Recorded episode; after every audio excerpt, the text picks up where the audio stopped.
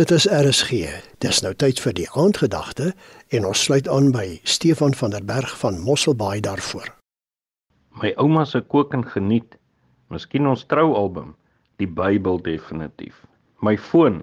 Maar hoeveel plek is daar? Dit is van die antwoorde wat lede van die publiek gegee het op die vraag dat indien jy slegs 10 minute het om jou huis te verlaat, wat jy sal saamneem. Tienduisende mense is dakloos gelaat met die onlangse Turkye aardbewing wat ons dan kan byvoeg tot die alreeds 117 miljoen vlugtelinge. Indien ons al die vlugtelinge in 'n land saamvoeg, sal dit die 12de grootste land in die wêreld wees. Maar hoe sien ek en jy vlugtelinge? Miskien as indringers wat daar is om ons werke weg te neem. 'n Groep mense wat 'n las is vir die staat In Matteus lees ons ook van 'n ander vlugtelingfamilie. Josef, Maria en Jesus moes vlug van Herodes wat elke kindjie onder 3 jaar wou doodmaak. 'n Kerkleier uit Lebanon, 'n land wat meer as 1.5 miljoen vlugtelinge huisves, het dit op so raak manier gestel. As ons aan hulle dink as vlugtelinge, behandel ons hulle soos vlugtelinge en hulle bly vlugtelinge. As ons daaraan dink dat hulle na die beeld van God geskape is, behandel ons hulle soos kinders van God en word hulle kinders van God.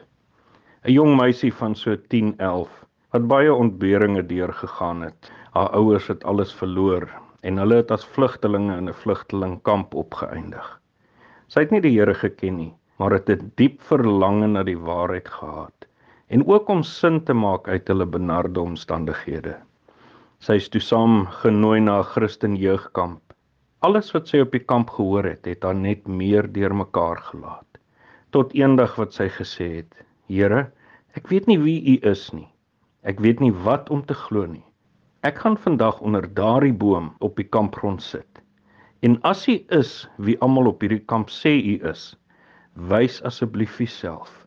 En ek sal sit, maak nie saak hoe lank nie."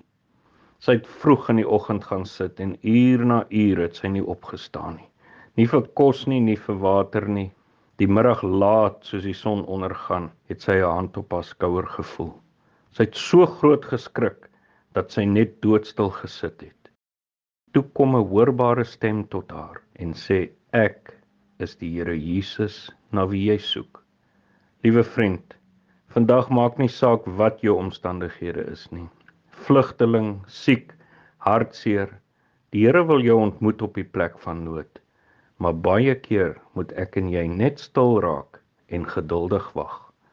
Psalm 46 vers 11 sê: Wees stil en weet ek is God. Jy het geluister na die aandgedagte hier op RSG, aangebied deur Stefan van der Berg van Mosselbaai.